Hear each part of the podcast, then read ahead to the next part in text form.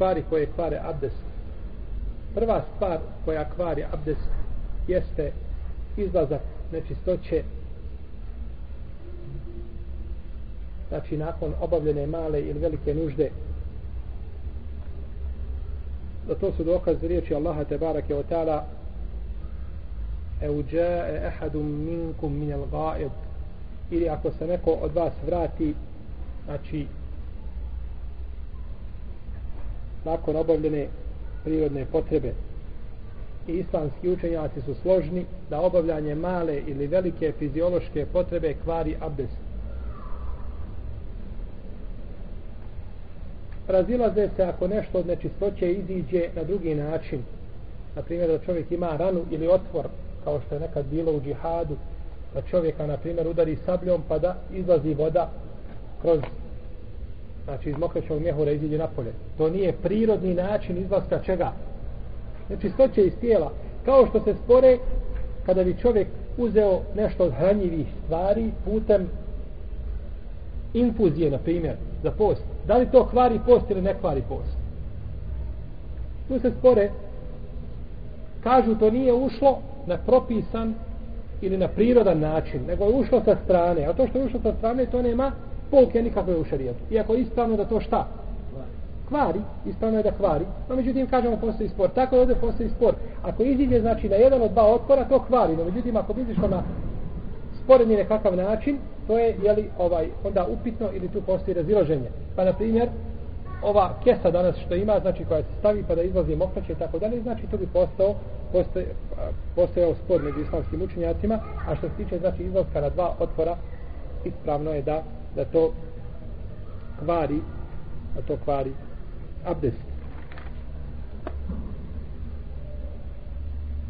Isto tako izlazak vjetra iz čovjekovog tijela zbog riječi poslanika sallallahu alaihi wa selleme la yakbalu Allahu salata ahadikum iza ahdese hatta je te Allah ne prima namaz nekoga od vas kada izgubi abdest dok se ne abdesti hades ovdje kada se desi znači mora se ponovo abdestiti. I jasne su hadisi kod Ibn Hibbana i kod drugi kada je poslanik sallallahu sallam upitan hoće li čovjek ako osjeti nešto u stomaku prekinuti namaz pa izići kaže neće dok ne osjeti miris ili ne čuje zvuk. Pa znači to nam ukazuje da izlazak vjetra iz čovjekovog organizma kvari abdest. I Oko ovih stvari nema razilaženja među islamskim učenjacima, spomenuli smo i samo zato što su one, znači tako, spomenuto u fiksnim knjigama, u protivnom nema oko njih razilaženja. Druga stvar koja kvari abdest jeste izlazak a, sperme iz čovjekovog tijela ili mezija ili vodija. Nema razilaženja među islamskim učenjacima da ove stvari kvare, post, a, kvare, kvare abdest. A post, to je druga stvar. Post je druga stvar. Izlazak menija nekad kvari, nekad ne kvari. Ako je u snu čovjek polutirao, neće pokvariti. Ako je on izazvao to, ovim onim načinom, po većini islamskih učenjaka, osim ljumu hazma i nekih savremenih učenjaka, hoće. A što se tiče menija i vedija, to neće pokvariti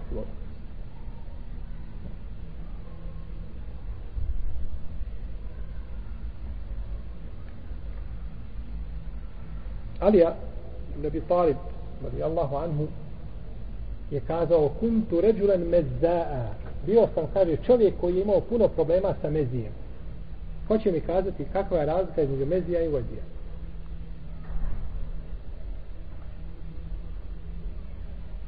ko zna? Jedan dva ko još zna? Tri četiri dobro znači imamo jednu skupinu koja zna. Reci.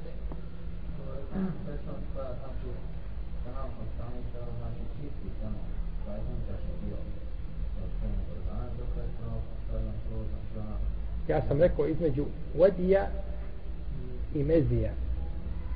Kakva je razlika? Nismo spominjali spermu, nego ove dvije tekućine druge koje izlaze. Reci. Dobro. Prilikom obavljanja naporno obavljene nužde. Znači, prilikom naporno obavljene nužde, znači izlazi oblik kapi, ljepljiva tekućina, dok je znači u obliku kapi izlazi ljepljiva, dok je uh, mezi više tečna, ali isto tako ljepljiva. Za razliku jedno sperme i spomenuli smo razliku u tih stvari. Kaže Alija radijallahu anhu, bio sam čovjek koji imao puno problema sa mezijem. Pa sam poslao El Mikdada ibn Eswada. Miktada ibn Lesoda da pita poslanika sa osrme o tome. Pa je rekao, te odba voksil zekarak. Neka abdesti i neka opere, ili abdesti operi svoje stidno mjesto. Pa vidimo Aliju radijallahu anu, vidimo ovaj edeb, nije htio pitati poslanika sa osrme kao punca na ome mjestu, da ga pita o tome ovo nam ukazuje, braće, ovo je terbija, ovo je odgoj. Ovaj hadis nije samo fikski hadis. Ovo je odgojni hadis. Koji tebe odgaja kako ćeš se ponašati sa svojim puncem i da ne pričaš, jer ti on iza tvoga babe dolazi čovjek koga trebaš poštivati. Pa znači pred njim da ne pričaš stvari koje bi njega ezijetile. Jer radi se o njegovom djetetu, pa sigurno te stvari ne vodi, ne voli da sluša. Tako da čovjek znači ovo mora obzirti, pored znači lijepog ponašanja, sa puncem da ne priča one stvari koje bi njega mogle zijeti ili stvari koje se tiču intime, da najmanje o tome razgovara. Da najmanje o tome razgovara.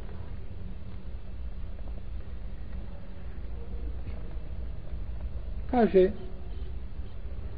a što se tiče mezije vodija, propis je jedan. Kod islamskih učenjaka onda razlikuju, znači da se ne treba kupati od toga, već treba samo abdest. Kaže Ibn Abbas radijallahu anhu u predaju koji drži Bejhefe koja je ispravna, kaže od menija se čovjek mora kupati, to je od sperme, a kaže od vodija i od mezija, kaže samo se treba abdestiti.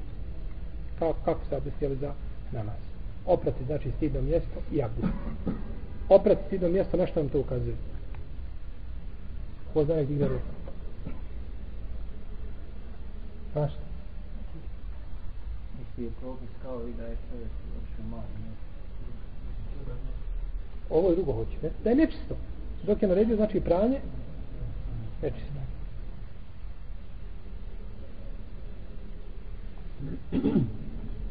Onaj ko je iskušan sa problemom stalnog izlaska mokraće iz tijela, koji se zove Selesulbeun, ili stalnog izlaska a, a, odija,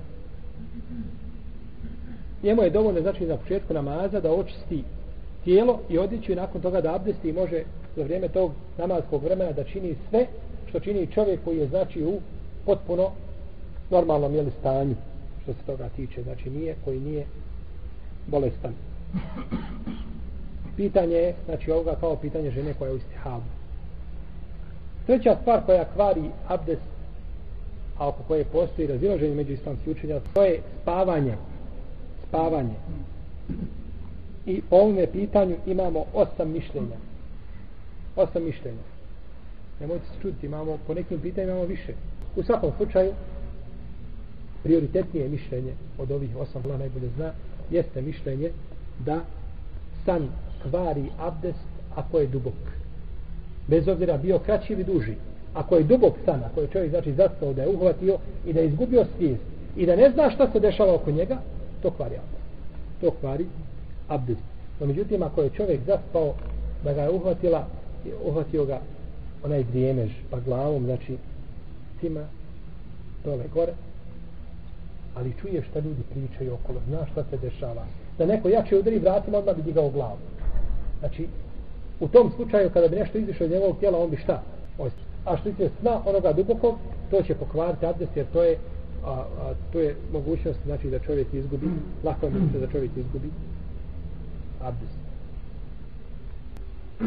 četvrta stvar koja kvari abdest jeste da čovjek izgubi pamet bilo da opije se pijan bilo da poludi ili da uhvati ga nesjetica u svakom slučaju kvari šta abdest i tu nema raziloženja među islamskim učinjacima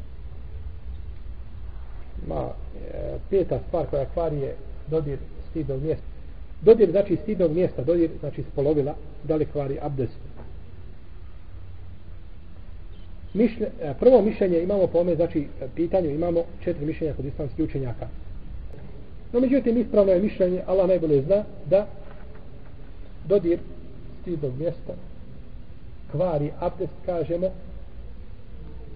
ali ne možemo kategorički tvrditi 100% da kažemo. Učenje sanepijske pravne škole, kao što ima mali kod dobro po verziji, šeh Albani ga podržao u tome da kvari ako je sa šehvetom, a ne kvari ako nije sa šehvetom, kažemo to je mišljenje, ima svoju težinu, a međutim, najpreće je čovjek najbolje da nakon dodira stidnog mjesta promijeni šta?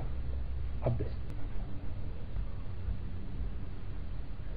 Doticaj stidog mjesta preko nečega ne kvari abdest. Znači preko odjeće ne kvari abdest. Dokaz tome je hadis u kome poslanik sa osam kaže od Ebu Hureyre koji ima dobar lanac prenoslaca ako neko od vas dotakne stidno mjesto a između ruke i stidnog mjesta nema ništa neka šta neka abdest od stvari koje kvare abdest a to je jelo devinog mesa svako ko jede devino meso bilo da ga jede prženo, kuhano, sušeno, prijesno, čak kada bi ga pojeo, treba da promijeni šta? Abdest. Prenosi muslim u svome sahihu da je čovjek od džabira jedno semore da je čovjek pitao poslanika sallallahu alaihi wasallame hoćemo li se abdestiti ako budemo jeli meso od sitne stoke? Ovaca, koza, sliš što tome. Kaže ako želiš i ako hoćeš abdest a ako nećeš ne moraš. Pa je upitan a hoćemo li se abdestiti ako budemo jeli devino meso? Kaže da. Abdesti se ako budeš jeo devino meso i prenosi Al-Bara ibn Azib radijallahu ta'ala anhu da je poslanik sa osvam rekao abdestite se od mesa devinog ste devino meso a ne morate se i nemojte se abdestiti od mesa sitne stoke. I ovo je stav imama Ahmeda, Ishaka, Ebu Hajseme, Ibn Munzira, Ibn Hazma jedno mišljenje od imama Šatije i odabro ga šeho i sami mutemije i drugi. Dok većina islamskih učenjaka džumhur znači smatra da jelo devinog mesa ne kvari abdest. Ne kvari abdest.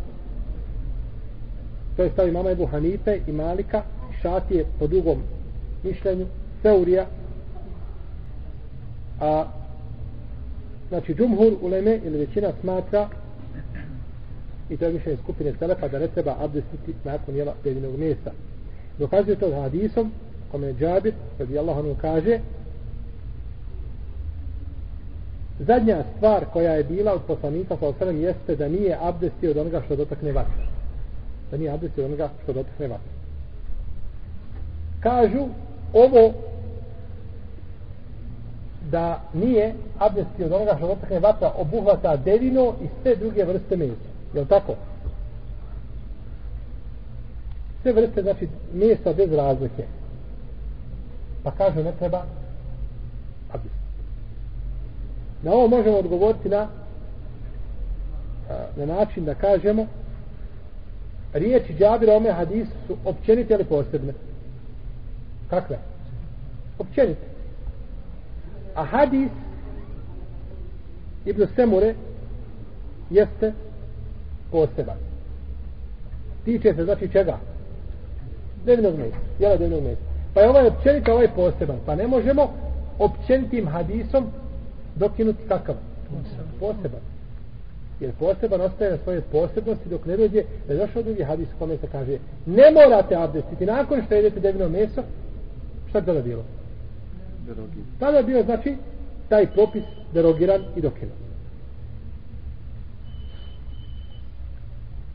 i druga stvar ovdje se odnosi a kaže se u hadisu ono što je dotakla vatra A kada bi čovjek pojeo prijesno devino mjesto, trebalo bi sabljesti. Jer je jeo šta? Devino? Devino mjesto, trebalo bi sabljesti. Pa ovdje vama se tiče, znači onoga što je dotakla vatra. Kad bi ga osušio, da dotakla vatra. Nije, Nije dim ga dotakao. U svakom slučaju, znači, bilo bi potrebno nakon toga da se abdesti.